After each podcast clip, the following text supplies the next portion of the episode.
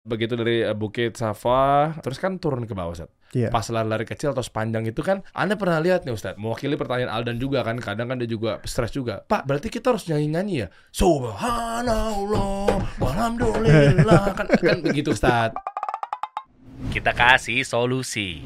Assalamualaikum warahmatullahi wabarakatuh, Ustaz. Waalaikumsalam warahmatullahi wabarakatuh. Oh, Masya Allah, semoga Ustaz selalu dalam lindungan Allah ya Ustaz ya. Amin amin wantum kadalik. Oh, Masya Allah. Ustadz, ini langsung aja nggak pakai berlama-lama karena Anda banyak penyerangan-penyerangan. Uh, penyerangan apa ini? Waduh, ini suatu kehormatan Anda bisa mendatangkan Ustadz. Kenapa? Karena Anda pengen coba klarifikasi dan menjawab aduan-aduan ini Ustadz. Dalam artian, ini kan Al-Ula sempat menjadi perhelatan. Yaitu Al-Ula bang. Lu umroh abis itu plus Al-Ula. Nah, ini yang jadi permasalahannya bahwa Al-Ula itu kan tempatnya dilarang. Kenapa antum ke sana, Bang? Antum ini nggak punya akal sehat. Antum wah luar biasa. Astagfirullah itu ya.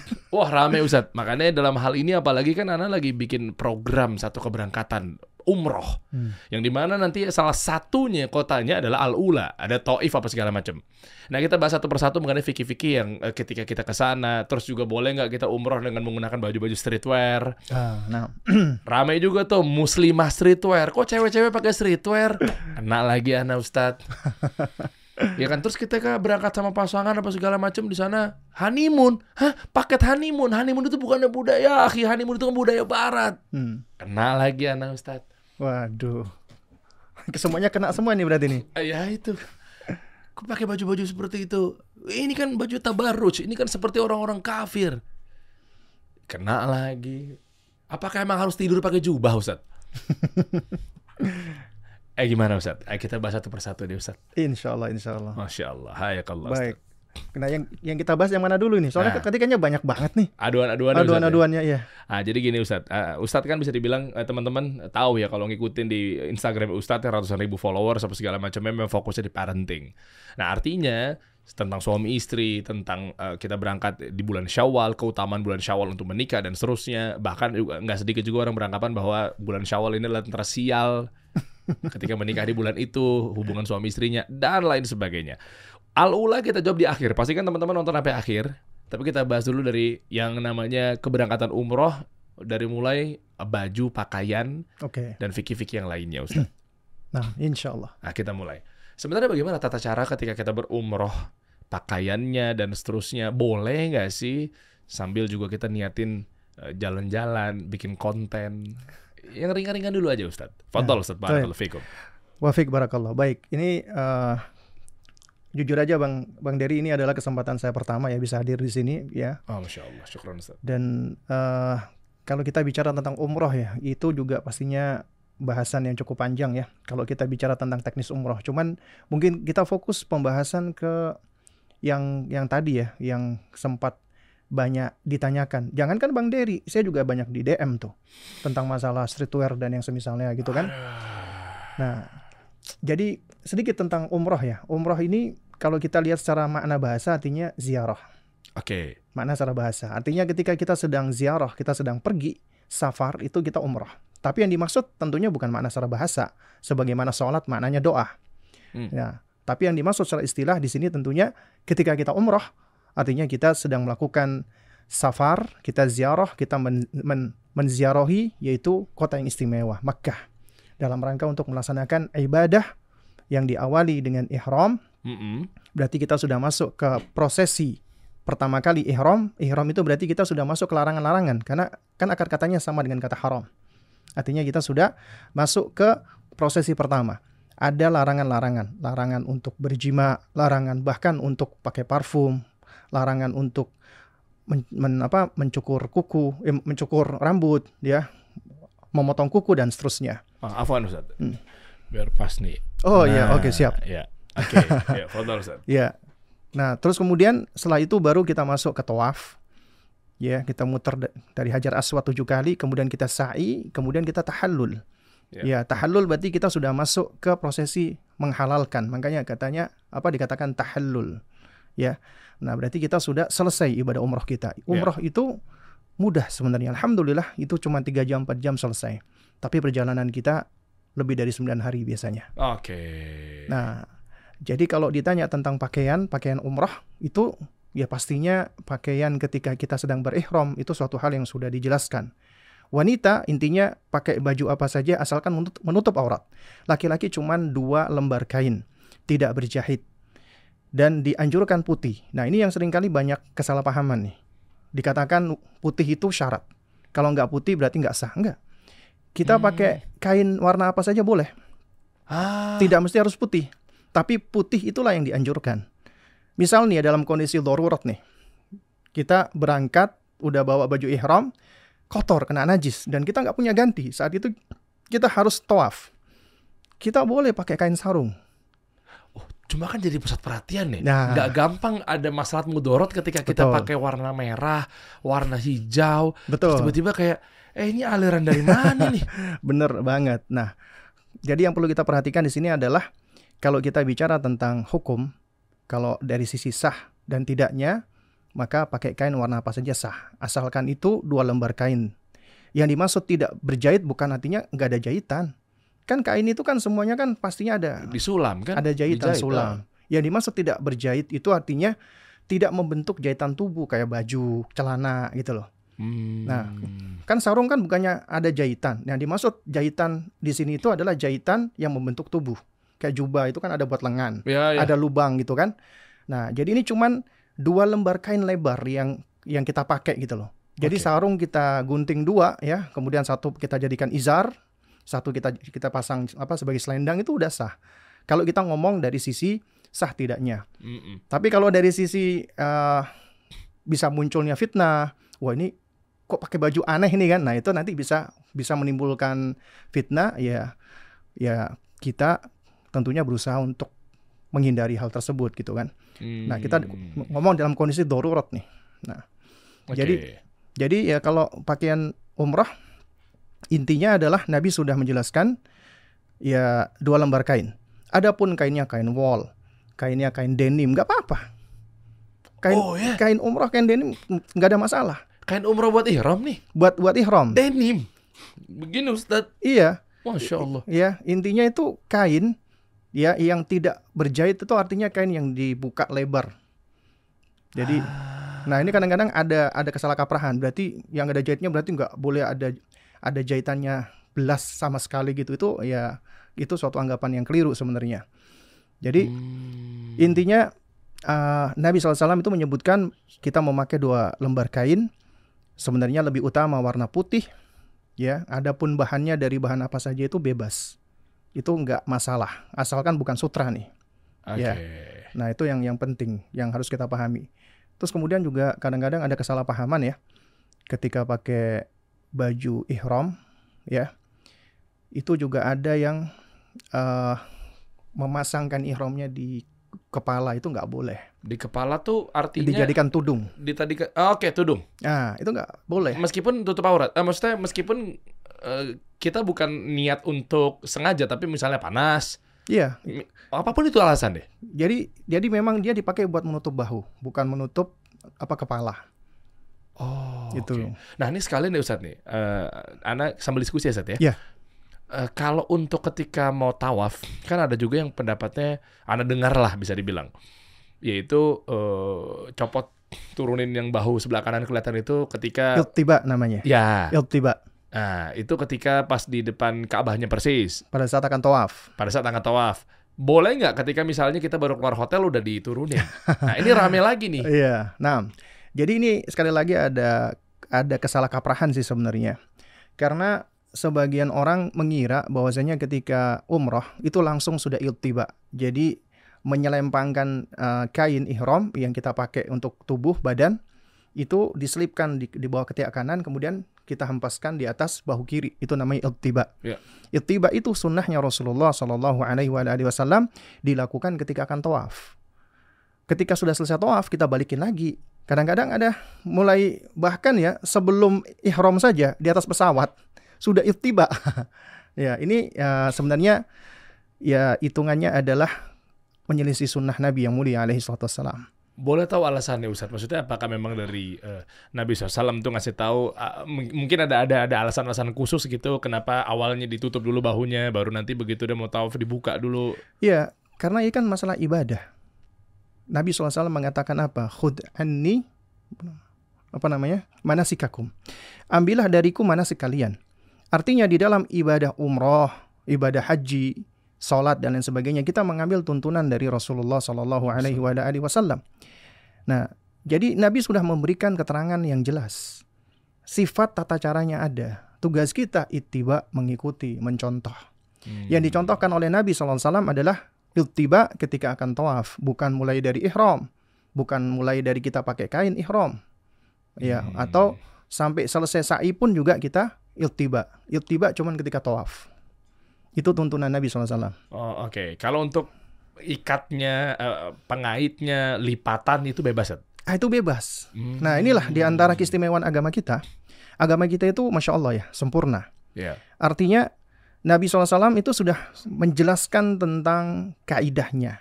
Nabi sudah menjelaskan tentang hal yang bersifat syarat dan lain sebagainya itu sudah ada di dalam agama kita. Oke. Kayak misalnya kain ihram, dua lembar kain.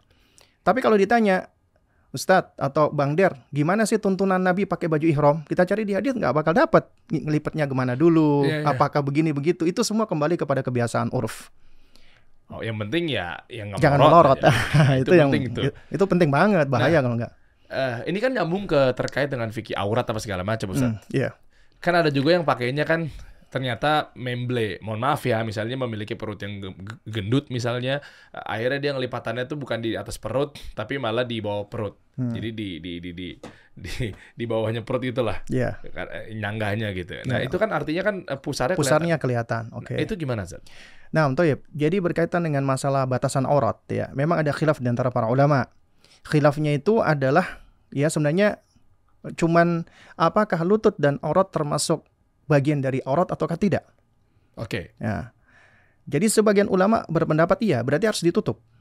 Sebagian ulama ya, dan ini yang saya ingat adalah pendapat jumhur tidak termasuk. Artinya, ketika seseorang itu memakai baju ihram, kelihatan pusernya ya, tapi nggak sampai ke ke bawah ya. Jadi artinya pusernya kelihatan, lututnya juga kelihatan, itu maka nggak masalah. Kenapa? Karena itu bukan bagian dari aurat. Hmm. Tapi pendapat yang lebih selamat, ya artinya kita uh, keluar dari khilaf, kita tutup. Jangan sampai kelihatan. Ah, Nah, jadi yang lebih oke. baik ya ya harus disesuaikan lah baju ihramnya dengan ukuran tubuh. Ya, itu dia itu yang ya. yang paling tepat seperti itu sebenarnya. Wah, ini seru nih kalau kita bahas lebih dalam ya, ya teman-teman ya. Jadi kita bahas eh, tajemin dulu di rukun-rukun umrohnya dulu ya. Oke, eh, di situ kan kita tawaf. Tawaf. Nah, Nah, eh, yang bener tuh sebenarnya kita nyeker apa enggak sih, Ustaz?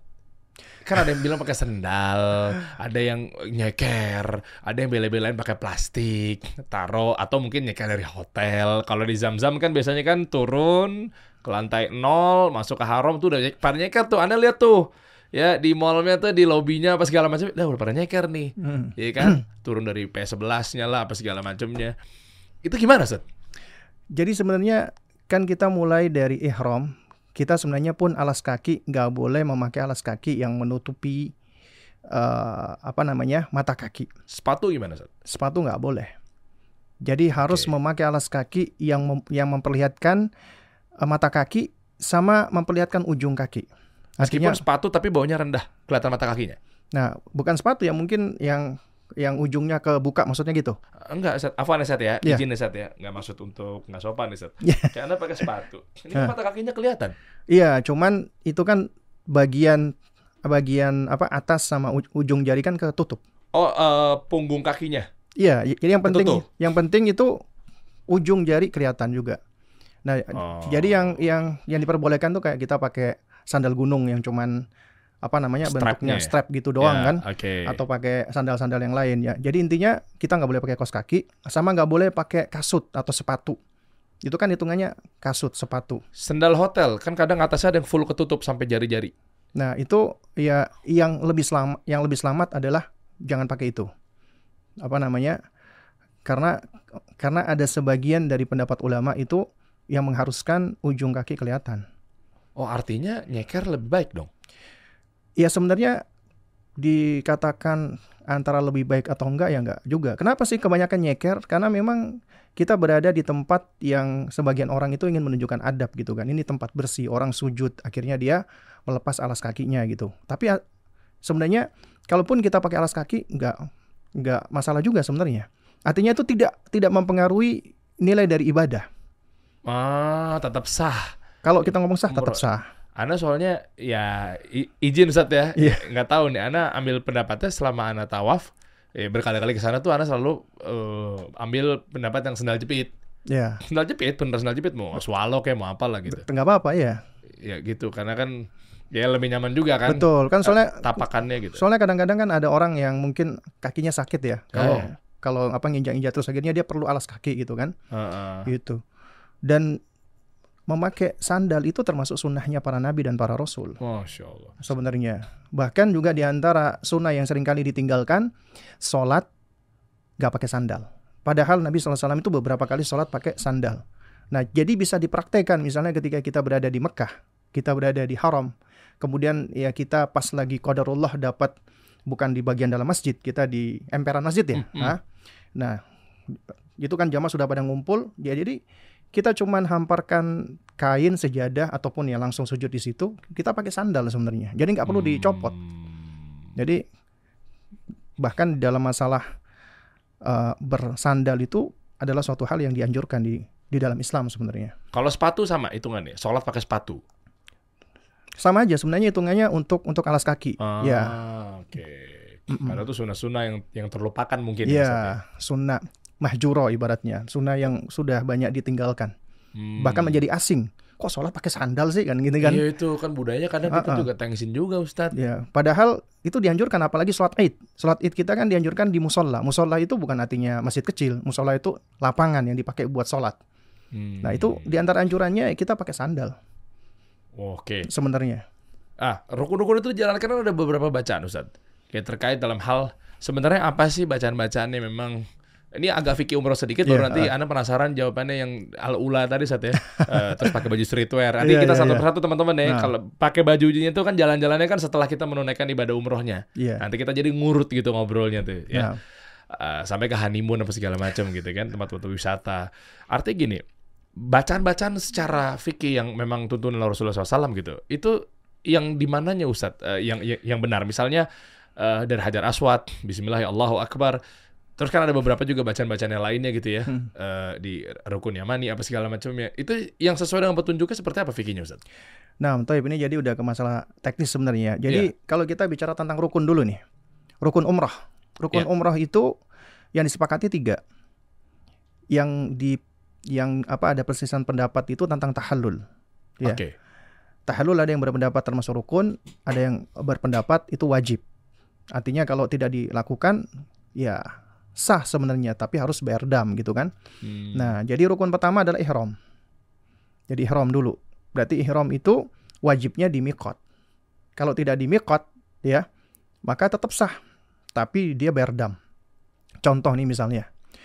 Sebagian orang-orang di tanah air, mereka menunda mengambil miqatnya bukan di Yalamlam ketika di pesawat. Ketika melewati miqat, mereka tidak langsung bertalbiyah, tapi mereka nunggu di bandara turun di bandara baru mereka mandi baru kemudian mereka pakai baju ihram. Berarti mereka tidak mengambil dari miqat. Sah tapi bayar dam. Sah, tapi sebenarnya dia melanggar dan itu bayar dam sebenarnya. Hmm. Nah, terus kemudian ya rukun kedua tawaf. Dari semua rukun salat, eh rukun salat apa? Dari semua rukun umrah ini yang diwajibkan untuk menjaga wudhu cuman tawaf. Untuk Oke. menjaga wudhu. Artinya ketika kita ihram, kita nggak wudhu, nggak ada masalah. Kita bertalbiyah tanpa wudhu, nggak masalah. Tapi ketika kita akan tawaf harus berwudhu. Hmm. Nah, jadi ketika tawaf kita berwudhu dan kemudian kita melakukan tawaf tujuh kali putaran. Ya, Hmm. dan insya Allah ya ini nggak perlu diajarkan wah harus Ka'bah ada di bagian kiri karena semua orang muternya ke sana. Oke. Ya kan? iya, iya. Nah, tapi terhitung mulai dari Hajar Aswad kembali ke Hajar Aswad, ya. Dan ketika di Hajar Aswad memang kita dianjurkan untuk mencium Hajar Aswad kalau memang memungkinkan. Kalau enggak kita pegang, kalau enggak kita cukup berisyarat. Ya Allahu Akbar. Nah, kemudian rukun ketiga, Oh, afwan Ustaz. Hmm. Bismillah Allahu Akbar, Allahu Akbar aja. Atau yang mana? Bebas. nah, toib. Jadi sebenarnya ini kita boleh langsung Allah Akbar dan juga boleh kita uh, iringi dengan bertasmiyah, menyebut nama Allah Bismillah Allahu Akbar. Oke. Ya. Fadal, lanjut Ustaz. Nah, nah kemudian kalau misalnya kita nggak mengucapkan Bismillah Akbar, apakah sah? Sah saja. karena itu sifatnya sunnah. Ya. Ya. Kemudian yang ketiga sa'i. Sa'i dari sofa ke marwah. Tujuh kali putaran. Tujuh kali putaran dari sofa ke marwah sekali, marwah ke sofa sekali. Berarti dari sofa ke marwah kembali ke sofa berarti dua kali. Ya. Ya kan sampai tujuh kali.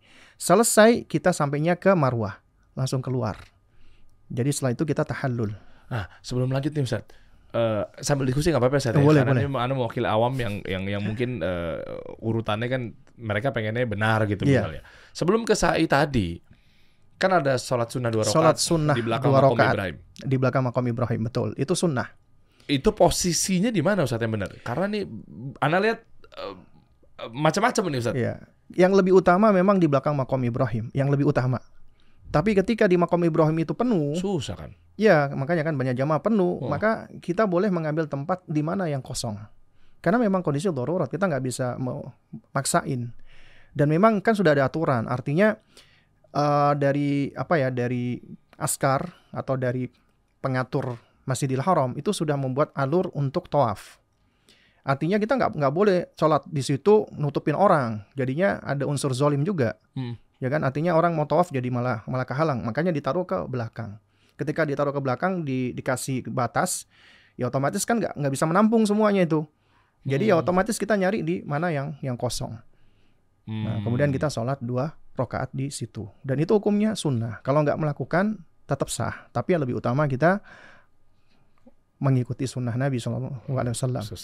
Setelah dari situ minum air zam-zam. Minum air zam-zam. Berapa kali? Sebelum sebelum kita sa'i, Iya. ya selesai kita sholat, kita minum air zam-zam. Itu sunnah juga. Berapa kali Ustaz? Bebas saja. Bebas. Oh. Mau sampai apa namanya? Sampai sampai kenyang boleh. Mau Oh. cuman ya beberapa teguk yang penting dihabiskan, kemudian disiramkan ke atas kepala. Oh, kalau untuk diminum lebih mantapnya atau dibolehkannya minumnya berdiri apa sambil duduk Ustaz? Ya, kalau kita ngomong keafdolannya, afdolnya itu duduk. Tapi apakah minum berdiri itu terlarang? Ada khilaf. Ya, namun kalau yang saya pahami itu tidak sampai haram. Oh. Jadi sebenarnya suatu hal yang apabila ada hajatnya boleh kita minum sambil ber- berdiri, tapi lebih utama kita duduk. Ah, boleh dan Aldan, boleh ternyata eh, minum sambil berdiri gitu. Maksudnya kan Aldan kan suka, Pak maaf Pak, gitu kan. Minumnya duduk Pak, Oh, masya Masya Allah. Ya. Masya Allah ya, Niatnya Pak. baik untuk memberikan nasihat. Iya, tapi ngingetinnya sambil minum juga. Wah maaf Pak, itu minumnya duduk. Oh iya, Anda ngapain gitu? Insya Allah ya Aldan ya. Insya Allah, semoga Allah selalu jaga Aldan ya. Amin amin. Dari situ lalu kita ke sa'i. Sa'i ke mas'ah. Ya, sa'i itu kan sekarang kan di Saudi kan, ya meskipun udah agak lama ya, tapi hitungannya kan tergolong baru gitu ya. Ada beberapa tingkatan Ustaz. Ada Nah itu ada yang ngejar Ustaz. Anda yang tiga tahu tingkat. tiga tingkat. Anda kan juga pernah bawa jamaah juga apa segala macam gitu kan. Bang Der, kita ambil yang paling bawah gitu karena kan eh, Yang paling utama. yang paling utama gitu maksudnya eh, istilahnya Siti Hajar itu kan posisinya kan di di, di situ di emang. situ Eh, gitu tanahnya kan itu iya, gitu. betul. Tapi kan eh, misalnya dari jawaban tapi penuh bu gitu. Kita ke paling atas, atas aja ke gitu. atas ya jangan bang kita harus di sini gitu. Nah, itu gimana edukasinya tuh Ustaz tuh? Nah toyib jadi kalau kita ngomong keutamaan Iya. memang yang lebih utama adalah lantai ground ground floor tersebut. Ah, ya itu yang oke. paling utama. Kenapa? Itulah yang memang eh, apa dulu kan sofa marwah nggak nggak seperti sekarang kan. Sekarang kan ibaratnya seperti mall itu Iya. jalan yang datar rata dulu kan memang jalan-jalan berbukit. Allah berikan kita berbagai macam kemudahan kan. Nah kata para ulama emang yang lebih utama adalah ground floor. Tapi kadang-kadang di ground floor itu super penuh. Oh parah ya ya kan? Nah jadi ketika super penuh ini crowded itu ada unsur masyakoh unsur kesulitan di situ. Apalagi untuk orang yang sepuh untuk orang yang tua. Terus terus apalagi kita pengen eh, apa ya berkumpul bareng-bareng gitu kan Mm-mm. nah jadi sebenarnya ketika kondisi-kondisi seperti itu boleh-boleh aja kita ke atas artinya mengambil tempat yang sedikit lebih lapang pahalanya sama nggak Ustaz? ya apa sebagaimana tadi disebutkan yang lebih utama di bawah bawah jadi yang yang lebih afdol Hmm. di- dibandingkan yang lantai atas dan lantai berikutnya. Bahkan sekarang dengan berbagai macam teknologi dan kemudahan disediakan oleh pemerintah Saudi bisa naik skuter tuh. Iya betul. Anak Nah. kemarin juga dorong istri pakai kursi roda. Pakai wheelchair, masya Allah. Antum Iya. yang yang dorong. Iya. Masya Allah, luar. Kan biasa. Hmm. Ditawarin kan saat ini eh, saya aja gitu kata dari penjaga dan pengurusnya gitu kan. Iya. Ya anak mau nemenin istri saat masa Masya Allah, masya Allah. Iya kan, apalagi istri lagi hamil juga Ustaz. Jadi Mantap. aneh dorong. Tapi memang agak lama ya Ustaz. Sayanya jadinya eh, agak lebih lama gitu. Karena kan kita nggak bisa lari juga saat kayak yang penjaga eh, orang-orang yang di situ Orang-orang kan. yang udah biasa ya, dorongnya cepet ya. Iya gitu. Mestinya kan eh bawa dua manusia juga saat gitu kan. betul. Hamilnya udah hamil tua gitu. Jadi ya lebih lama aja. Iya, tapi insya Allah itu pahalanya kalau ngitung pahala, pahala antum buat diri antum membantu orang, istri, masya Allah itu Wah, lebih besar insya Allah pahalanya. Wah, karena emang aneh emang pengen eh, honeymoon bareng sama istri sambil umroh juga. Masya Allah, Masya Allah. Makasih Ustaz ya. Amin ya Rob ya. Amin. Jazakallah khair. Khairan. Dari situ selesai sa'i, ya kan? Berarti inget ya, satu, dua, tiga, bukan satu, Iya. dua, gitu. Kadang Ada yang salah, ada yang salah, ada yang jadi keliru. jadi 14 tuh. Betul. Saya pernah bawa jamaah ada bapak-bapak udah manasik di Jakarta, kemudian ada persiapan manasik lagi di Madinah. Kemudian sebelum berangkat udah kita woro-woro, tapi mungkin karena orang sudah sepuh ya. Dan beliau bilang bilang kepada kami, Ustadz duluan aja gitu kan, karena kita lama kan. Nah akhirnya kita tunggu lama banget, ternyata 14 kali beliau. Oh, 14 kali. Jadi ngitungannya Satu, jadi sofa balik lagi ke sofa. itu satu. Satu padahal dua itu. Sofa ke marwah satu, Ah. marwah ke sofa dua. Ah. ya kan? Jadi sofa kembali ke sofa lagi dua hitungannya. Beliau ngitungnya satu, jadi 14 kali. Oh, 14 kali. Masya Itu Allah. gimana Ustaz kalau nggak tahu hukumnya Ustaz? Ya sebenarnya eh, sebenarnya ketika dia sudah mencapai ke jumlah ketujuh ya, itu sebenarnya kan sudah sudah memadai ya. Dan karena beliau nggak tahu, lupa, lalai usia juga kan, ya akhirnya insya Allah maafu lah. Karena Oh. sebenarnya bukan bukan hitungan melanggar ya. Karena beliau Oke. Salah paham aja gitu loh. Ah, terus untuk afdolnya tingkatannya seperti apa Sat? Kan ini kan naik ya Teh. Sat ya. Safa, Marwahnya kan naik. Ya, pasti Hmm. gitu kan. Eh, lari-lari kecil di bawah yang lampu hijau Ya, naik. Nanti ke sini lagi turun, naik. Kan gitu kan. Posisinya kan kayak perahu lah iya. bisa dibilang.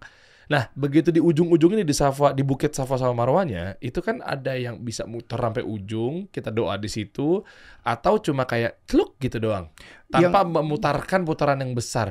Yang afdol itu posisi di mana sih, Sat? Maksudnya kan kadang, oh ini kayaknya nih belum sampai mentok nih gitu. Iya, Kan ada bapak-bapak sama ibu-ibu kan kayak, Mas jangan langsung muter, kita puterin yang salah dulu sampai ujung biar afdol gitu. Jadi kita kadang bingung juga nih Ustaz. Iya, jadi sebenarnya gini, sebenarnya ketika kita udah masuk ke sofa atau ke marwah, ya, ini kan sebenarnya bukit ya kan. Iya. Ketika kita udah udah masuk sebenarnya sudah sudah cukup. Artinya kita ngambil putaran yang paling rendah, nggak Nah. perlu sampai ke ujung itu sebenarnya sudah sudah sudah memadai sebenarnya. Hmm. Tapi ya tentunya kita tahu ya, kalau kita mau mengambil jumlah kaki yang lebih banyak, kemudian kita uh, ngambil tempat dulu untuk menghadap ke Ka'bah, kita doa itu di antara waktu yang mustajabah, kemudian kita zikir sebagaimana dituntunkan, yaitu ya nanti insya Allah kan dikasih buku panduan itu, Iya, iya. kita bertakbir, kayak Allah Akbar, Allah Akbar, Allah Akbar, kemudian kita bertahlil itu kan, Hmm. apa namanya, la apa namanya, La ilaha illallah wahdahu la syarika lah lahul mulku wa lahul hamdu yuhyi wa yumitu wa huwa ala kulli syai'in qadir. Ya. Dan seterusnya kemudian kita doa bebas, kemudian kita ulangi lagi do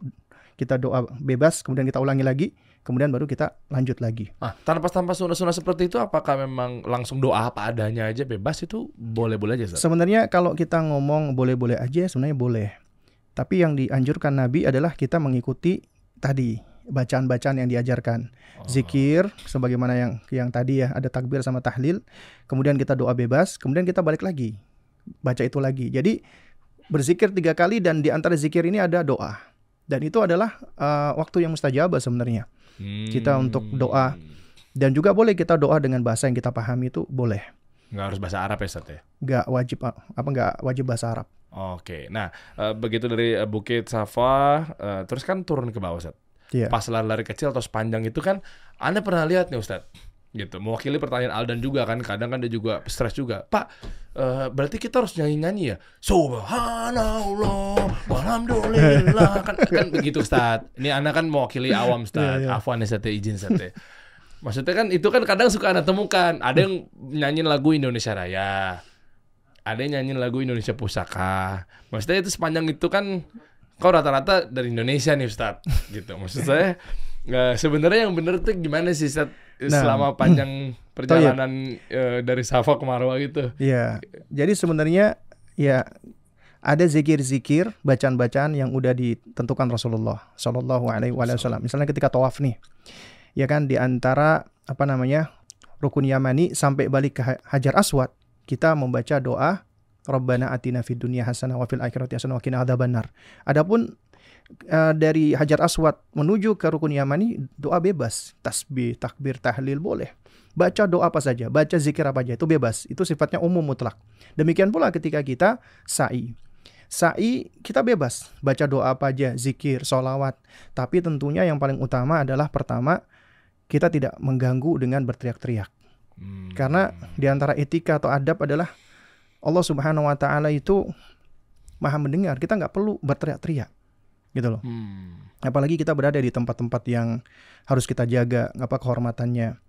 Apalagi sampai ada yang apa pakai gelas itu kan supaya suaranya lebih kenceng gitu kan. Itu biasanya Oh. dari teman-teman bukan Indonesia doang, dari Turki juga. Oh. Ah, jadi biasanya kalau Turki itu udah kayak apa kereta api mau Ya, lewat baris- gitu. Dia dia dia, dia rombongan, Rombongan banget, gitu. apa segala macem. Iya. Nah, jadi sebenarnya ini kan hal-hal yang dapat mengganggu jamaah lain sebenarnya. Jadi kita cukup berzikir dengan zikir-zikir yang yang kita hafalkan, kemudian kita baca bebas, nggak perlu kita tentukan dengan jumlah tertentu, bacaan tertentu, kaifiat-kaifiat apa namanya tertentu. Ya. Hmm. Nah, ini adalah suatu hal yang yang apa ya? Maksudnya selain mengganggu juga apabila kita khususkan berarti kita mengkhususkan sesuatu yang tidak dikhususkan oleh Rasulullah Shallallahu alaihi wasallam. Apalagi sampai nyanyi-nyanyi. Ini bukan tempat kita menyanyi. Ya, bukan tempat untuk kita apa ya nyanyi meskipun itu taruhlah kita cinta tanah air. Ya, itu bukan momennya. Ini momen kita beribadah di Hmm. di situ gitu loh. Seakan-akan ini momen kita menunjukkan eksistensi kita dari negara ini, negara itu akhirnya kita ingin menunjukkan di situ. Akhirnya muncul ria, sum'ah, ujub dan lain sebagainya. Nah, ini tentunya suatu hal yang harus kita hindarkan. Oh, Masya Allah. Meskipun maksudnya baik dengan kata-kata yang baik. Misalnya salawatan. Salatullah, salamullah. Itu kan Anda pernah dengar juga, Ustaz. Eh, makanya Anda untuk memastikan aja. Gitu. Anda kenapa sih, Dan? Nunduk sih, Dan. Lah emang bener. Coba deh. Kadang suka ada tuh begitu. Iya. begitu. Anda kan, oh ini maksudnya baik. Apa Anda ikut rombongan juga kali ya gitu. Karena kan mukanya kan wajahnya kan Asia-Asia juga. Betul. Eh, Jadi Anda harus ikut rombongan atau Enggak. gimana nih, Ustaz? Jadi umroh itu ibadah ibadah individu, bukan ibadah jama'i. Artinya bukan ibadah yang dipimpin oleh seseorang untuk berzikir tertentu, enggak. Jadi kita ibadah masing-masing. Kita punya hajat masing-masing, kita baca doa masing-masing, kita zikir masing-masing. Ya. Tapi boleh bab taklim, bab pengajaran, misalnya ada mutawif atau ada apa pembimbing, itu misalnya mentalkin. Talkin itu dalam rangka untuk pengajaran, pendidikan tuh boleh. Hmm. Nah, jadi ada beberapa travel kan menyediakan headset ya kan? Ya. Nah, itu untuk apa? Untuk bimbing jamaah. Ya, jadi bukan cuman bacaan tapi juga ayo Bapak-bapak ya kita sebentar lagi akan sampai di rukun Yamani kita baca ini gitu kan. Oh, buat Nah, koordinasi, untuk koordinasi informasi gitu Dan ya? juga kita talkin. Misalnya doa-doa yang memang ma'thur dari Nabi SAW kita bacakan. Kemudian kita boleh baca zikir bebas. Ya subhanallah, alhamdulillah, wa la ilaha illallah, wallahu akbar. Salawat juga boleh. Salawat yang paling utama adalah salawat Ibrahimiyah. Bukan salawat yang lainnya. Nah, namun sayangnya saat ini eh, ada sebagian kaum muslimin mereka lebih mengedepankan salawat-salawat yang dibuat oleh selain Rasulullah. Sallallahu alaihi wasallam. Padahal salawat itu kan bukti dari cinta kan. Cinta Hmm. kita kepada Rasulullah, kita bersalawat dan tentunya yang paling tahu tentang keutamaan salawat Rasulullah. Hmm. Sehingga ya tentunya salawat yang paling istimewa adalah salawat yang diajarkan Rasulullah, bukan yang lainnya. Tapi ternyata kebanyakan dari eh, sebagian orang, ya sebagian kaum muslimin, mereka lebih cenderung kepada salawat-salawat yang dibuat-buat. Oh, contohnya gimana, Sat? Kalau tola al badru alaina itu masuknya Nah, itu juga Itu lucu. Kadang-kadang ada syair-syair atau yang semisalnya itu dianggap salawat, padahal bukan salawat. Tapi kan itu tuh udah bener-bener itu kayaknya tuh solawat banget gitu, udah melekat gitu Ustaz. Berarti itu bukan solawat. Bukan salawat itu syair itu.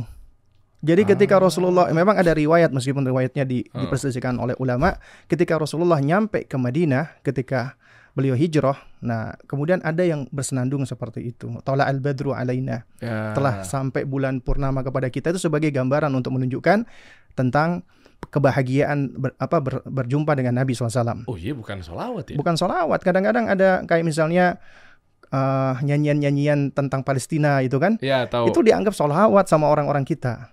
Bahkan di dinyanyikan di masjid-masjid kita gitu loh. Hmm, gitu Ini juga ya suatu hal yang memang perlu kita kita luruskan ya. Dan kita meluruskan ini bukan karena kita benci. Hmm. Kadang-kadang ada orang-orang yang salah paham ya. Ketika kita menyampaikan ini sesuatu yang tidak diajarkan Rasulullah, ini sesuatu yang sebenarnya tidak ada tuntunan, itu disalahpahami bahwasanya kita itu benci gitu loh. Hmm. Kita itu sudah mengklaim surga dan dan lain sebagainya. Padahal bukan ini bagian dari kita sayang sama mereka. Hmm. Kita pengen supaya kita itu bisa beribadah ibadah yang tentunya sesuai dengan ilmu yang berasal dari Rasulullah Shallallahu Alaihi Wasallam.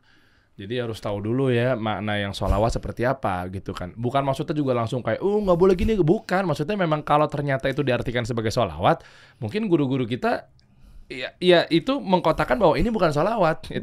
Bukan salawat kalau Oh ini kan itu, Badr, iya. bukan maksudnya langsung memarahi terus oh, mau kamu menghina, bukan. Ini memang kan konteksnya kan persolawatan ini loh. Iya. Ya kalau memang misalnya bukan solawat, kenapa harus dipaksakan ke solawat? Benar. Termasuk yang nggak tahu nih, eh, Aldan juga nitip juga wujud kida mbako muhalafatul lil hawadisi kiyamuhu binafsi. Itu juga bukan solawat ya Ustaz ya?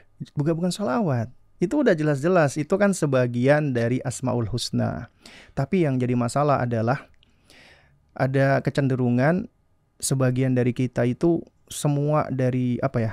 eh, apa yang namanya? kayak tadi bacaan-bacaan itu itu Iya, iya. ada kecenderungan untuk disenandungkan. Nah, itu sering anak temukan soalnya pas di umroh-umroh tuh kayak tadi-tadi. Makanya kan anak hafal dikit-dikit Ustaz gara-gara eh, Sering mendengar ya. sering mendengar. Terus Anda udah Iya. selain udah hafal sering mendengar, ini Akhirnya ikut-ikutan. eh, bukan maksudnya justru malah mau nanya ini masuk barisan apa enggak nih gitu. Oh. Karena kan orang Indonesia nih, Iya. jangan-jangan masuk kali ya gitu. Tapi kan takut juga kalau melakukan sebuah eh, sebuah contoh gitu tapi sementara Rasulullah SAW juga nggak nyontohin terus kita ngikutin siapa dong itu makanya anda hati-hati mau nanya ke Betul. Ustaz Ya karena jelas ibadah itu kita mengikuti Rasulullah, bukan mengikuti orang banyak, bukan mengikuti kebiasaan, bukan Hmm. mengikuti tradisi, bukan mengikuti apa yang sudah masyhur. Tapi kita beribadah harus ada ilmunya. Hmm. Makanya para ulama menerangkan bahwasanya al aslu fil ibadah al mamnu. Hukum asal ibadah terlarang. Hmm. Kita berhenti sampai ada dalil yang menunjukkan tentang pensyariatannya.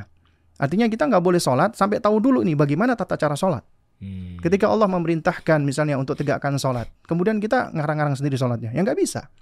Kita harus tahu dulu bagaimana tata cara sholat.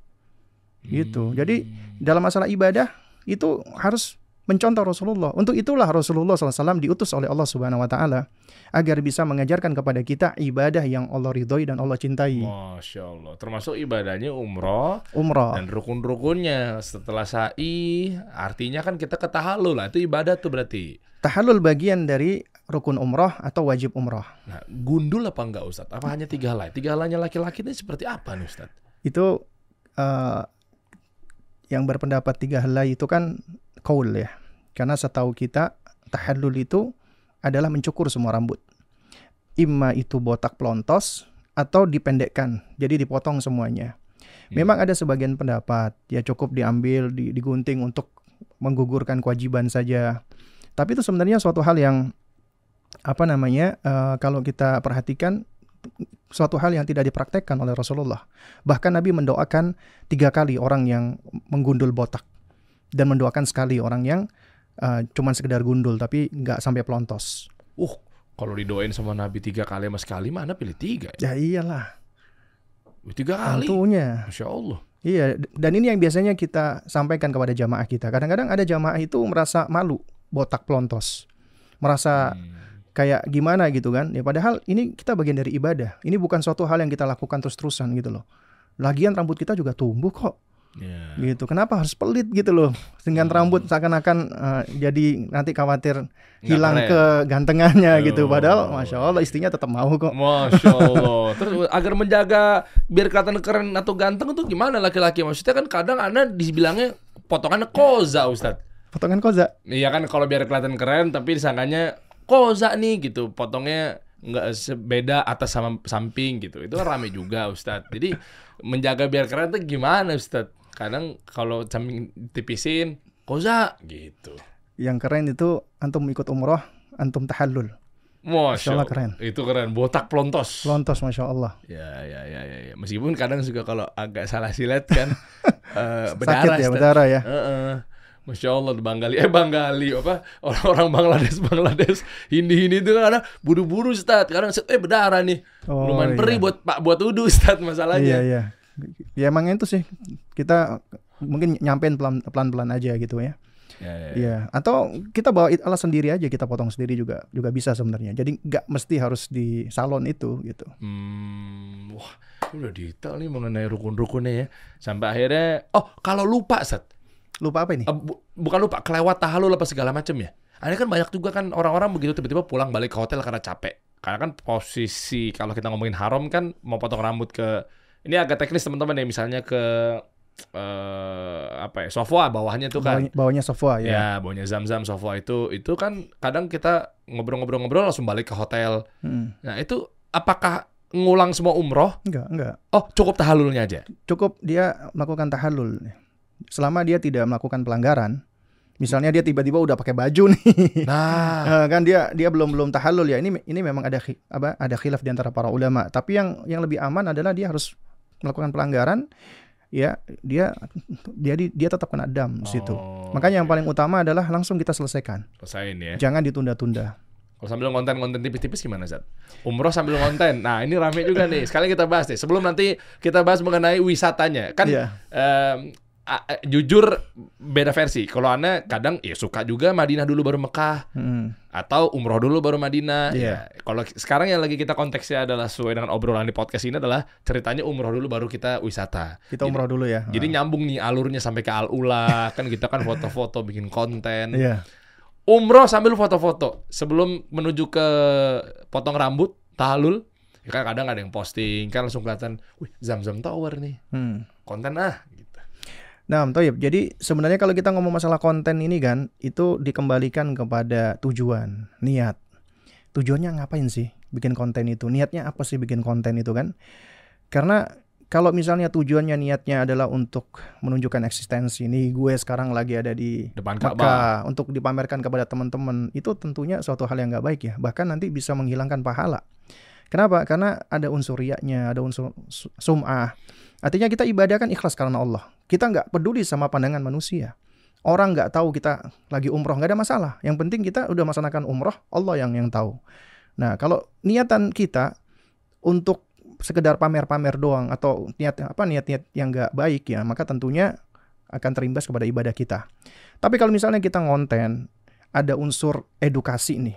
Kita ajak teman-teman yang belum tahu, misalnya kita bikin misalnya ini loh yang apa namanya yang dimaksud dengan pada saat kita melangkah menuju ke tawaf kita lewat zam-zam. Ini loh yang dimaksud dengan zam-zam. Ini yang di apa ini uh, WC 3 biasanya kita akan kumpul di sini. Nah ini ini pintu masuk kita menuju kepada Ka'bah gitu kan.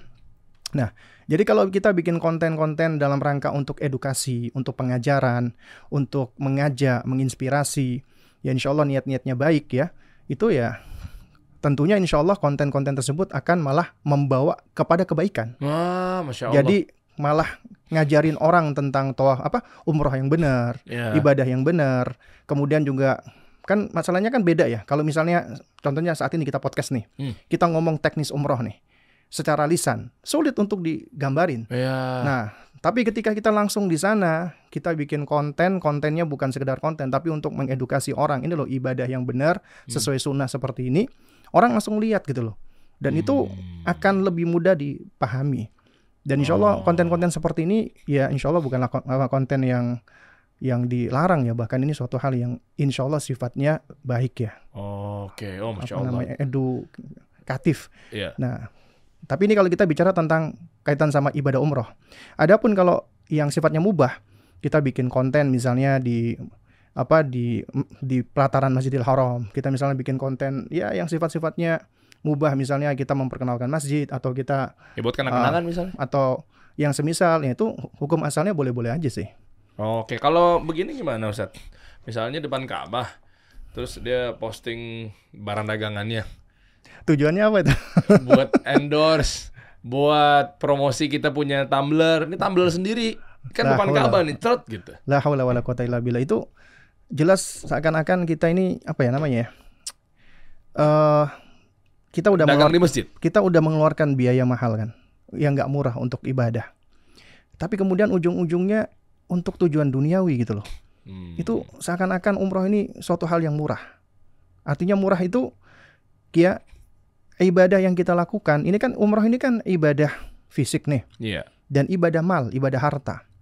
Nah itu seakan-akan ini jadi nggak bernilai. Kenapa? Tujuan kita umroh itu untuk jualan ternyata, untuk bisnis, untuk iklan, Hmm. untuk endorse, untuk ini. Nah itu adalah suatu hal yang tentunya patut untuk kita jauh apa jauhkan gitu. Oh, masya Allah. Kalau untuk ucapan-ucapan, Ustaz, Juga untuk apa tujuannya? Iya, romantis buat suami ke istri, istri ke suami, atau mungkin ke nggak tahu Aldan pernah ngirim ke calon istri nggak? Kayak kamu sehat-sehat ya gitu, Terus ada kertas gitu, nanti kan sukses selalu gitu. Ya itu juga juga doa yang paling utama. Kalau kita tujuannya doa, mendoakan tanpa diketahui oleh orang yang kita doakan itu yang paling Oh, utama itu. Bahkan itu di dalam riwayat akan diaminkan oleh malaikat. Kita berdoa, ya Allah, jagalah ibuku ya Allah. Misalnya jagalah uh, sahabatku. Itu di dalam riwayat malaikat akan mengaminkan. Amin walaka bimithlin. Amin dan juga untukmu seperti itu. Uh, didoain sama malaikat, masya Allah. Doanya malaikat itu mustajabah. Artinya ketika kita mendoakan kebaikan untuk orang-orang yang kita sayangi, orang-orang yang kita kenal, yang kita cintai itu kebaikannya juga akan kembali kepada kita. Oh. Jadi kita gitu. mendoakan ya fi apa namanya? Apa namanya? eh dhahri ghaibi. Jadi tidak diketahui oleh orang yang kita doakan. Oh. Itu yang lebih utama. Doanya apalagi di Ka'bah misalnya. Apalagi di tempat-tempat yang spesial. Ngapain kita pakai foto? ya mudah-mudahan kamu sukses selalu. Itu apa tujuannya yang seperti itu kan? Ya kan membuktikan bahwa dia doain. Kalau doanya gini gimana Sat? Sempat viral juga. Ada yang doain si di syuting nih Sat. Ini biar saya adil nih, saya sebutin semua nih. Ntar takutnya memihak nih. Ya Allah, menangkanlah Pak Anies. ya Waduh, Allah, menangkanlah. Pak Prabowo. Ya Allah, menangkanlah Pak Ganjar. Itu gimana tuh Ustaz? Kan lagi rame di tahun 2024. Wah ini ada unsur politiknya Ini juga. enggak, enggak, enggak. Ini kan makanya kan Anda biar adil Anda sebutin Iya, iya. semuanya Ustaz. Maksudnya Oh, gimana cara semuanya. penerapannya memang ya oke lah kita tahu lah dari level doa itu kan yang pertama memang dia tulus, memang nggak ada unsur apa-apa. Yang kedua ya mungkin dia tim size. Iya. Jadi kalau kalau memang benar dia menginginkan kebaikan, niatnya adalah untuk mendoakan. Nggak perlu dia bikin konten. Maksudnya doanya ditampilkan ke yang lainnya supaya orang lain "Oh, lihat ini dia ngedoain Pak A, Pak 2 atau Pak 3 misalnya Iya. Pak satu saya yang nyebut nama jadi nggak enak nih. ya kan? Nah, itu itu itu jadi apa namanya? Ya kita nggak bisa menilai hati orang ya. Tapi ketika dia melakukan hal seperti itu, itu ada tendensi tendensi-tendensi ingin diketahui, ingin dilihat, ingin diperhatikan. Bahkan nanti kalau misalnya pilihan dia menang, wah ini orang ini yang mendoakan saya nih, wah dapat proyek nggak? Itu jadi ada dikhawatirkan ada tendensi-tendensi dunia seperti itu. Kalau memang benar doakan. Misalnya kita serak sama misalnya 01 nih, kita doakan sudah. Jadi kita doakan ya yang paling penting adalah sebenarnya bukan bukan bukan kita doakan fulan menang atau tidak. Ya Allah, jadikanlah pemimpin kami yang akan memimpin negara ini adalah apa pemimpin yang baik. Masya Allah. Ya, yang yang apa yang bisa menjadi eh, apa yang namanya yang bisa menjaga amanat dan seterusnya. Bu. Nah, itu yang paling utama sebenarnya. Oh, masya Allah. Ya, ya, ya, kita balik lagi fokus lagi. Ntar sangkanya kan dia ini apa sih gini-gini usar ke sana kenal lagi. Nah, enggak kan ini kan edukasi kan buat lu juga gimana? Enjoy nggak? Kan kita tahu loh kita sebagai warga negara emang udah harus begini. Ya kan kondisi negara ya kita makanya pengen tahu dari segala macam sudut pandang fikih-fikih yang lain gitu loh. Eh, termasuk eh, taw, eh, bukan tawaf, apa namanya? Umroh kedua. Nah, ini juga Wah, ini rame nih Ustaz. sering kali rame. Jadi Nah, kita ke keluar dulu ke tanah halal. mm-mm. Biasanya kan kalau deket ke haram itu kan eh, dari haram itu kan ke Tanah Masjid Ain. Aisyah. ya Tanah Ain, Masjid Aisyah. Nah, habis itu udah bayar taksi, Balik, lagi. lagi. Kadang taksi udah tahu, nih bolak-balik kak, gitu. Ya udah ikut deh, gitu. Eh, itu gimana, Ustaz? Nah, Om Toyib ya. Jadi memang ini kalau kita ngomong bahasan fikih ya, ya pastinya tentu nggak menutup kemungkinan adanya khilaf, perbedaan pendapat.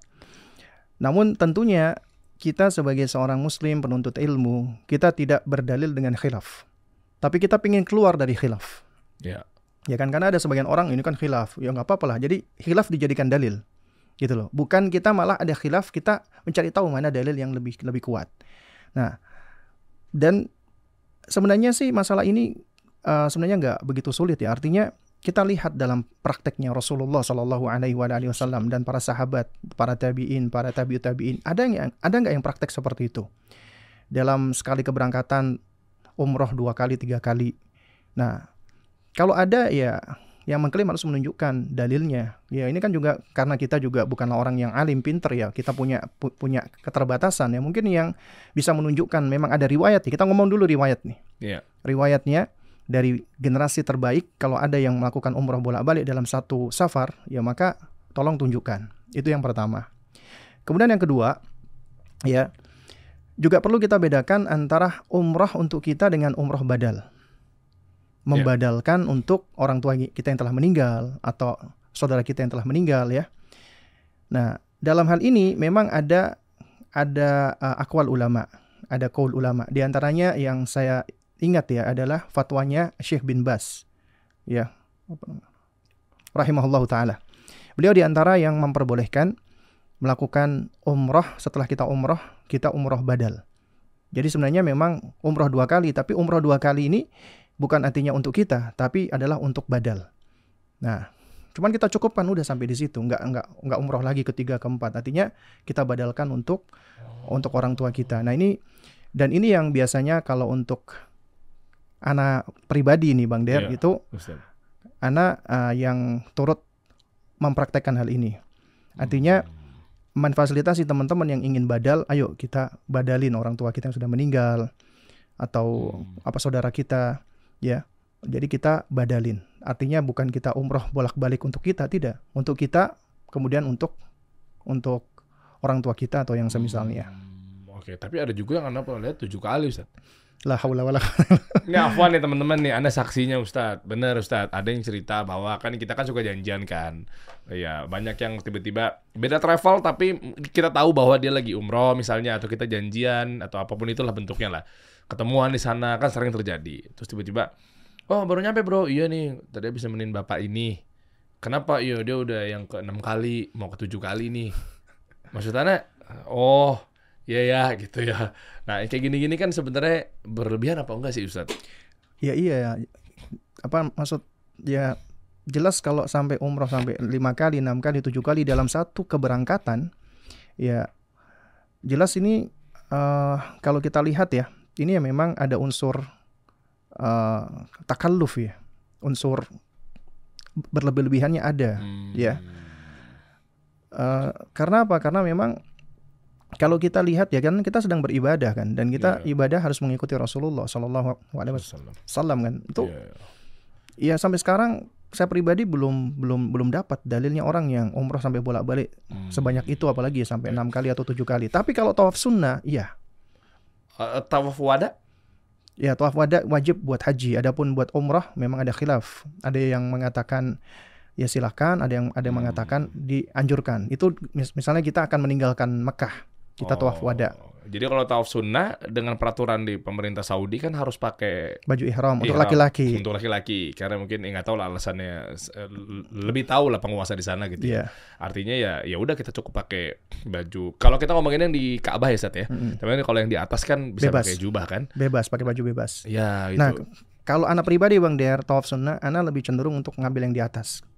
Kenapa Ustaz? Kenapa? Karena memang ada nasihat dari ulama-ulama kita ya yakni ketika kita sudah selesai umroh kemudian kita hendak tawaf sunnah kemudian kita pakai baju ihram seakan-akan kita di situ ingin membohongi Oh, karena peraturan dari pemerintah di sana fatwanya adalah kalau mau umroh untuk membatasi, ya supaya malah jadi zolim juga ya, jadi nah, penuh ya. Sementara kan pemerintah penuh. Saudi kan pasti ada masalah bahwa oh ini kamu kalau mau ke daerah Ka'bah kamu pakai ihram. Hmm. Nah kita nih kan satu berbohong dan yang kedua dengan ada seperti itu kan untuk menghindarkan orang-orang desak-desakan. Benar. Tapi ternyata malah padat. kita malah menuang kezoliman lagi di situ ya. Iya. Nah ini yang ini yang yang dinasihatkan oleh oleh apa namanya ulama-ulama kita untuk menghindarkan hal tersebut gitu loh. Hmm. Ya. Tapi ini memang apa suatu hal yang bersifat apa namanya Eh. privilege ya bagi perempuan ya. Karena perempuan Oh iya. bebas. Enak banget hidupnya. Enak banget hidupnya. Iya, iya, iya. Itu di antara keistimewaannya Masya Allah. untuk perempuan ya kan. Widih, Masya Allah. Apalagi kan ketika kita bawa istri kita, orang Iya. tercinta kita, kita healing, Masya Allah. ya kan kita jalan-jalan di luar umrohnya ya Ustaz ya. Iya. Nah, sekaligus saya mau nanya nih. Nah masalahnya Bang Der, Iya. umroh itu healing yang paling baik. Uh, Yang paling utama karena di umroh itu kita kumpulkan berbagai macam ibadah. Zikir ada, sholat ada, Hmm. kita melangkahkan kaki, kita berlelah-lelah di jalan Allah. Itu semua luar biasa itu. Memang kita Oh. capek, tapi capeknya itu bahagia. Dan hmm. itu healing yang luar biasa. Nah, sekalian deh kita bahas yang mengenai healing deh. Selain healing di Mekah, Ma- Madinah abis itu kan, dan seterusnya lah. Eh, Sebenarnya boleh nggak kalau sambil jalan-jalan, kalau sambil wisata, healingnya terus juga nantinya kan kita menggunakan baju-baju streetwear. Ada juga yang muslimah streetwear, apa kata baruj? Sebelum kita bahas alula, nih saya tahu nih, misalnya teman-teman akan nungguin nih sebenarnya alula boleh apa enggak, terus gimana di alula, di Taif gitu ya. Iya. Pelan-pelan, sabar-sabar gitu ya. Iya. Yang ya yang deket-deket dari Mekah Madinah dulu aja sebelum kita nanti nyebrang ke kota lain. Gimana Ustaz? Baju-baju yang Anda pakai deh. Nah, Karena kita mem- nanti insya Allah teman-teman ya kalau nonton podcast ini sampai akhir di episode ini eh, nanti anda jelaskan kalau teman-teman pengen buru-buru kayak saya tahu banget nih. Ayo kita berangkat bareng-bareng. Eh, memang kami lagi bikin program umroh keberangkatan ingat bukan 9 hari tapi bahkan lebih dari itu. Jadi yang biasanya umumnya 9 hari tapi kita pengen memanjakan teman-teman healingnya luar biasa itu kita tambah dua hari bonus. Jadi 11 hari ya. jadi 11 hari. Masya Allah. bonus dua hari lagi jadi 11 hari dan tentunya ini pasti menjadi momen yang spesial, momen penting bagi keluarga ya kita ajak istri, anak-anak dan seterusnya kita bulan madu di sana. Tapi sabar, sebelum kita spill nanti gimana cara keberangkatannya, paketnya apa aja. Kan udah pasti kan nanti kan teman-teman juga penasaran, "Ah, katanya bisa berkuda, kita bisa ke Al-Ula. Jarang-jarang satu keberangkatan ada dua kota di luar dari Mekah Madinah. Biasanya Mekah Madinah plus Taif saja atau Mekah Madinah plus Al-Ula saja. Ini Al-Ula Taif dapat bersama Ustadz kita nih Masya Allah Ustadz Abu Salma Muhammad Hafidahullah Ta'ala Tapi Ustadz Gimana pakai baju streetwear? Nah, jadi sebenarnya ini kan eh, streetwear ya, baju jalanan ya. Istilahnya kan seperti itu kan. Iya, Street betul. kan jalan, Iya betul wear kan pakaian, Iya, betul. baju jalanan. Nah, jadi sebenarnya yang perlu kita perhatikan itu bukan cuma istilah, tapi hakikat. Hmm. Hakikat sebenarnya seperti apa sih streetwear? Kalau misalnya streetwear yang dimaksud itu misalnya pakaian compang-camping, mohon maaf ya, Iya. Celana pendek, robek-robek dan lain sebagainya ya. Yang memang itu tidak menunjukkan marwah atau atau muruah ya tentunya ini suatu hal yang nggak baik gitu loh. Tapi kalau misalnya yang dimaksud streetwear ini ya itu seperti apa ta- tadi ya teman-teman dari mana Majid ya? Majid. Majid Iya, itu- Anas sama kawan Anas nah jadi yang saya saksikan sendiri dari pakaiannya berupa jubah lebar panjang menutup aurat kemudian juga di dipakainya nyaman gitu kan? Hmm. itu jadi yang kalau sampai ada yang mengatakan ini suatu hal yang dilarang itu jujur aja dari saya sendiri bingung apa alasannya? Kalau sampai ada yang mengatakan itu apa namanya misalnya dikatakan apa tadi eh Kayak tasyabuh. tasyabuh dengan orang-orang kafir. Nah Karena ini makanya kan baju-baju orang-orang Amerika Bule misalnya. Orang-orang bule emang pakai jubah thub gitu. Nggak maksud saya kan namanya tasyabuh alal kufar itu kan menyerupai kekhususan dari orang-orang kafir. Yang itu memang menjadi ciri khas ketika dipakai oleh orang Islam. Oh ini kan ciri khasnya orang kafir gitu loh. Nah sekarang menjadi pertanyaan adalah itu kan kalau yang apa ya yang yang digunakan teman-teman yang disebut dengan streetwear itu kan kayaknya model-model jubah-jubah aja. Iya jubah atau, gitu kan? Ya itu satu. Yang misalnya pakai denim. Nah denim. Atau yang kedua ada ininya hoodie-nya. Hoodie iya. Eh kaos oversize. Kaos gede celana berarti. jeans. Nah. Itu eh, orang-orang ya, Yahudi Nasrani atau orang-orang kafir bukan Ustaz? Celana jeans. Iya udah itu. Streetwear. Yang jadi masalah itu sebenarnya gini, bukan dipakai sama orang kafir atau enggak, itu kekhususan mereka atau enggak. Oh ya enggak semua bisa pakai, umum banyak banget Kan pakai soalnya, begitu. soalnya kan kaidahnya itu adalah apa? Al aslu fil asya al ibaha, hukum asal segala sesuatu dalam hal misalnya urusan ada, kebiasaan, apa, tradisi, hal-hal yang duniawi itu mubah. Hukum asalnya mubah. Sampai ada dalil yang menunjukkan keharamannya. yang melarang harus membawa dalil. Bukan artinya urusan dunia misalnya kita misalnya ya, urusan dunia tuh di kita yang ditanya, apa dalilnya yang membolehkan ente? Bukan ibadah. Iya, ibadah itu baru sebaliknya. Apa dalilnya yang ngebolehin ente melakukan itu? Paham ya maksudnya ya? Nah, sementara ini kan disinyalir dilarang nih misalnya. Nah, kalau urusan dunia yang melarang harus bawa dalil. Yang mengatakan nggak boleh harus bawa apa argumentasinya, apa dalilnya, Oke. apa hujahnya. Kalau urusan ibadah, Kalau urusan ibadah yang mengamalkan harus bawa dalilnya. Yang tidak mengamalkan dia cukup nanya apa dalilnya, apa Ah, tuntunannya, apa oke. hujahnya gitu loh. Oke. Nah, tapi dalam urusan dunia ya yang melarang harus membawa dalil, harus membawa hujah. Contoh nih, air. Iya, Ustaz. Ente nggak boleh minum air. Apa dalilnya? Ada nggak dalilnya dari Al-Quran dan Sunnah? Ya, atau ijma'nya sahabat atau akwal deh yang yang mengharamkan air. Kan nggak ada. Oh. Nah, berarti hukum asal air itu mubah. Makanya mikrofon misalnya. Iya. Ya. Oh, mikrofon itu nggak boleh bid'ah dan lain sebagainya. Nah, maka kita tanya, ya ini termasuk urusan ibadah atau bukan? Iya, bukan. Mikrofon ini, misalnya untuk dipakai untuk sholat misalnya. Nah, itu gimana kalau pakai buat azan? Kan buat ibadah. Iya. Jadi apa namanya? Kayak misalnya mikrofon ya. Terus kemudian juga apa namanya? adanya sound system dan yang semisalnya Oh, kan. oh. Kan di zaman Nabi nggak ada, Ustaz. Jadi gini, yang yang dimaksud dengan bid'ah itu bukan artinya sesuatu yang tidak ada di zaman Nabi. Tapi sesuatu yang tidak dipraktekkan Nabi. Karena pertama ya ini yang yang yang harus kita pahami. Ini juga menjadi kaidah nih, Iya. ya. Jadi sesuatu yang tidak dipraktekkan Nabi ya karena yang pertama itu tidak ada mawani, tidak ada penghalangnya. Oke. Maksudnya gimana tidak ada penghalangnya begini? Ya. Nabi SAW tidak pakai uh, sound system, Ya. pakai speaker karena di zaman Nabi nggak ada. Berarti itu menjadi penghalang. Ah, Oke. Ketiadaan barang-barang atau teknologi tersebut di zaman Nabi itu suatu hal yang nggak ada gitu loh. Tapi Celana jeans, jogger pants. nah, tapi di zaman belakangan misalnya ada ya, Iya. ya kan? Nah, misalnya kita pakai kayak tadi ya, thop dari denim atau dari kain jin kita pakai buat buat sholat, yang nggak bisa kita katakan itu bid'ah, yang nggak bisa kita katakan itu uh, tasyabuh alal kufar. Kenapa? Karena itu kaitannya masalah berpakaian itu kembali kepada adah, kembali kepada uh, kebiasaan.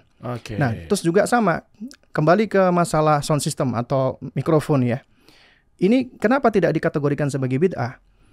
Nah, padahal di zaman Nabi nggak ada. Bid'ah itu bukan sesuatu yang nggak ada di di di zaman Nabi, bukan. Itu adalah sesuatu yang tidak dipraktekkan oleh Nabi Shallallahu Alaihi Wasallam dan tidak ada mawaniknya. Artinya tidak ada penghalang. Kalau seandainya di zaman Nabi itu ada, kita menduga kuat Nabi akan apa namanya mempergunakan. Di zaman Nabi tidak ada mobil, adanya kendaraan kuda, unta. Ya, jadi artinya eh, kalau seandainya ada ada seseorang dia pergi umroh nih, naik kuda, ya kan? Nah, Nabi misalnya jalan kaki atau naik kuda, kemudian ada yang naik mobil, maka kita nggak bisa mengatakan orang yang naik mobil itu bid'ah gitu loh. Hmm, oke. Kenapa? Karena Memang di zaman Nabi SAW itu sesuatu hal yang belum ada. Nah, kemudian yang kedua itu dhabitnya adalah ya sesuatu tersebut itu adalah suatu hal yang memang ada, tapi ternyata tidak dipraktekkan Nabi SAW. Paham maksudnya ya? Contohnya gini. Oke. Contohnya misalnya, eh misalnya apa nih? Kita ngomong ke arah yang lebih apa namanya? ke lebih aplikatif. Apa kira-kira menurut Bang Dery ini contoh bid'ah yang dilakukan orang-orang di zaman sekarang tapi tidak dipraktekkan oleh Rasulullah SAW? Apa contohnya? Wah. Banyak nggak? Perkara ibadah sih biasanya. Nah, misalnya taruhlah ya. Oke, kita ambil contoh-contoh yang real aja yang umum. Oh. Sholat subuh empat rakaat. Eh, enggak ada dong, Ustaz. Ya, enggak. Misalnya contoh Eh, saja iya, kan. Iya, iya. Nah, Nabi SAW itu ya sebenarnya mampu nggak sih melakukan sholat subuh empat rakaat? Ya nambahin dua sih harusnya ya mampu. Bisa kan? Tapi ternyata Nabi tentukan dua rakaat. Iya. Ya artinya memang penentuan Nabi SAW dengan menentukan dua rakaat itu memang haknya Nabi karena Nabi yang lebih tahu tentang sifat ibadah yang paling benar. Contoh lagi misalnya wudhu. Wudhu itu ketika kita membilas kaki itu kan hanya sampai mata kaki. Iya. Ada orang membilas sampai lutut, Tahu. Ya kan? Iya, nah, itu selain takalluf, selain ber, berlebihan itu juga bisa jatuh apa kepada bid'ah. Nah, orang itu bisa ngomong ya kan, tapi kan Ustaz, Kalau di kalau sampai lutut kan le- lebih baik, lebih hati-hati. Artinya mata kaki pasti kena, ya kan? Nah, yang jadi pertanyaan adalah Nabi bisa nggak sih wudhu sebenarnya sampai ke lutut? Bisa, tapi nggak dipraktekkan oleh Nabi SAW. Ah, oke. Nabi ternyata tidak mempraktekkan. Misalnya ada orang wudhu itu jumlahnya sampai tujuh kali, sembilan kali, Hmm, hmm. balis apa namanya apa namanya eh, basuhnya. Kemudian ketika ditanya lo kenapa ente kok wudhunya sampai tujuh kali? Kok nggak dicukupkan aja? Ya misalnya memang yang bilangan Nabi SAW ajarkan apa namanya ya tiga kali ya sudah. Lo kan supaya itu saat lebih lebih aman, bersih, lebih- gitu. lebih bersih. hilang hadasnya. Iya, nah pe- pertanyaannya Nabi Nabi sebenarnya ada penghalangnya nggak sih untuk berwudu sebanyak 10 kali, 11 kali nggak ada. Artinya itu suatu hal yang bisa dipraktekkan Nabi. Tapi ternyata Nabi tidak mempraktekkan. Oh, oke. Contoh lagi terakhir nih ya, Wah, ini ilmiah Zikir. ini lagi ini cakep nih ilmiah nih. zikir Iya. jamaah. Zikir berjamaah Ya. dipimpin oleh seorang imam. Misalnya. Nah, yang jadi pertanyaan adalah ketika seseorang berzikir jama'i, dipraktekkan Nabi SAW nggak? Ya, enggak Kalau yang mengatakan Ya, ya, ya. praktek harus harus membawakan hujah ataupun dalil. Ya, bukan ini ya, bukan menjaharkan ya. Kalau menjaharkan memang ada riwayat. Tapi membaca dipimpin. Kor bacaan sama. Anda sih pada dengernya sih waktu itu Astagfirullah Nah, Robal oke. baronya. Oke, oke. Taruhlah itu ya. Iya, Ustaz. Itu dibaca secara bersamaan. Sekarang yang jadi pertanyaan adalah, ya, Nabi mempraktekkan atau tidak? Kalau mempraktekkan menurut yang mengamalkan harus membawa dalilnya. Kalau tidak mempraktekkan, ya, yang jadi pertanyaan, Nabi sanggup nggak sih untuk membaca itu, untuk melakukan itu pada saat itu bisa. Tapi kenapa kok nggak Nabi SAW amalkan gitu loh? Hmm. Artinya apa? Tidak ada sesuatu yang menghalangi Nabi. Tapi kalau misalnya sound system, memang nggak ada. Hmm. Jadi di apa? itu jadi di zaman ya. Nabi, iya. Artinya bukan dalam bentuk ibadah tapi itu alatnya atau penopangnya. betul. Nah selain alat juga di zaman Nabi emang nggak ada. Kalau sekiranya ada, kita menduga kuat akan digunakan oleh Nabi dalam rangka untuk maslahat. Makanya Nabi ketika sholat berjamaah dan itu banyak, akhirnya Nabi pakai semacam kayak Bilal gitu kan. Allahu Akbar, Iya. Allahu Akbar. Ya, ya, ya. Untuk supaya yang belakang bisa dengar gitu loh. Wah, keren. Masya Allah, jazakallah khair Ustaz. Iya, iya, artinya Wajazakumullah khairan. ya uh, ilmiah sekali ini ya, ya, ya, ya mungkin kita juga jarang dengar ya antara nggak ada jadi ada, ada jadi nggak ada. Hmm. Itu sangat sangat kompleks dan detail loh. Nah, Anda suka nih detail seperti ini. Ada jadi clear gitu loh Ustaz masalah Ustaz. Iya. Nah, jadi masalah baju, streetwear. Nah, kalau yang cewek gimana Ustaz? Nah, Kan sama lagi nih Ustaz. Tadi kan tadi kan sedikit agak keluar dikit ya. Ada edukasi lebih mengenai eh, hal-hal yang tidak dicontohkan oleh Nabi SAW gitu ya. Ya memang itu adalah inovasi atau perkara-perkara baru yang coba untuk dipakai dengan nggak tahu itu sebenarnya eh, bukan pada contohnya gitu. Tapi kalau untuk muslimah streetwear, kalau tadi streetwearnya adalah laki-laki, muslim streetwear, kalau sekarang muslimah streetwear. iya. Ana pernah prom- promosikan juga sekarang kan brand Ana Majid ini kolaborasi sama brand Akhwat yang kita bisa bilang muslimah streetwear yaitu itu. Tak. Ah, usah tahu tuh. Iya. Terus tiba-tiba ada yang bilang, "Ya akhi, ittaqillah ya akhi," katanya. Muslimah streetwear antum nggak salah muslimah, bukan muslim. Ya akhi, bertobat pada Allah. Itu tapi ngomong-ngomong Bang Der, Anda juga ada yang DM loh, nanya tentang itu. Tapi nanya sih bukan bukan. Nanya apa, Ustaz? Ada yang nanya tentang apa namanya Ustadz, emang boleh muslimah pakai muslimah streetwear gitu Kok kan? jadi nanya, Ustaz? Ya nggak tahu ada yang DM Oh, saya. karena tahu kita punya paket keberangkatan umroh. Nah, Eh, sepertinya apa? itu. Mohon maaf, Ustaz, jadi akhirnya kena imbas dari hater-hater saya. Enggak ya. Enggak itu anu sih, maksudnya dia konteksnya nanya aja sebenarnya. Muslimah streetwear. Oh, Iya. karena kan kita paket keberangkatannya kan kali ini kan projectnya kan kasih umroh. Mm-mm. Kasih solusi punya travel umroh namanya kasih umroh. Yang tentunya projectnya adalah eh, Majid kolaborasi bareng sama Tak. Nah ini kita munculin di layar Ustaz. Oh, nah. Nah Masya dengan temanya kali ini adalah kenapa juga alasannya kita pengen eh, dibimbing dan dibina oleh Ustadz eh, Abu Salma Muhammad. Ya, hayakallah Ustadz. Artinya temanya cocok sekali. Nah ini sekalian kita bahas deh. Umroh sambil honeymoon di bulan Syawal. Nah ini kan kolaborasinya adalah bareng Majid dan juga Tak. Kenapa? Karena Muslim streetwear dan Muslimah Muslimah, streetwear, streetwear. kolaborasi kan istilahnya istri Ana pakai Muslimah streetwear, Ana pakai Muslim streetwear. Ana sama istrinya mahrom. Betul. Nah, iya. yaudah kalau kita berangkat ke sana, ya kita bulan madu lah sekalian. ya, Nah, umroh Masya juga. Allah. Nah, Iya. itulah itu cikal bakalnya lah. Jadi kalau eh, laki-laki, perempuan, muslim streetwear, muslimah streetwear, ya sudah kita couple, yuk kita berangkat. Iya. Ya, itu juga sama dengan eh, suaminya eh, Tata, Mm, ya kan dia punya suami namanya Gary, sama-sama mahram, berangkat juga. Masya Nah, itu tema kita yang memang insya Allah kita mau berangkat di program bukan 9 hari tapi 11 hari. Itu plus Al-Ula dan juga eh, Taif. Nah, eh, dalam hal ini muslimahnya gimana Ustaz? Concernnya nah, nih. Itu jadi yang memang ya yang menjadi pertanyaan sebenarnya kalau dari konteks yang saya lihat, bukankah wanita lebih utama di rumah? Kok streetwear seakan-akan nyuruh wanita itu turun ke jalan-jalan gitu kan? Ya, nah disemprot ya, Ustaz. ya, Ustaz. Iya, enggak. I- i- Jadi aduh, apa kembali lagi gini kan? gimana tuh, Ustaz? Kita kasih solusi.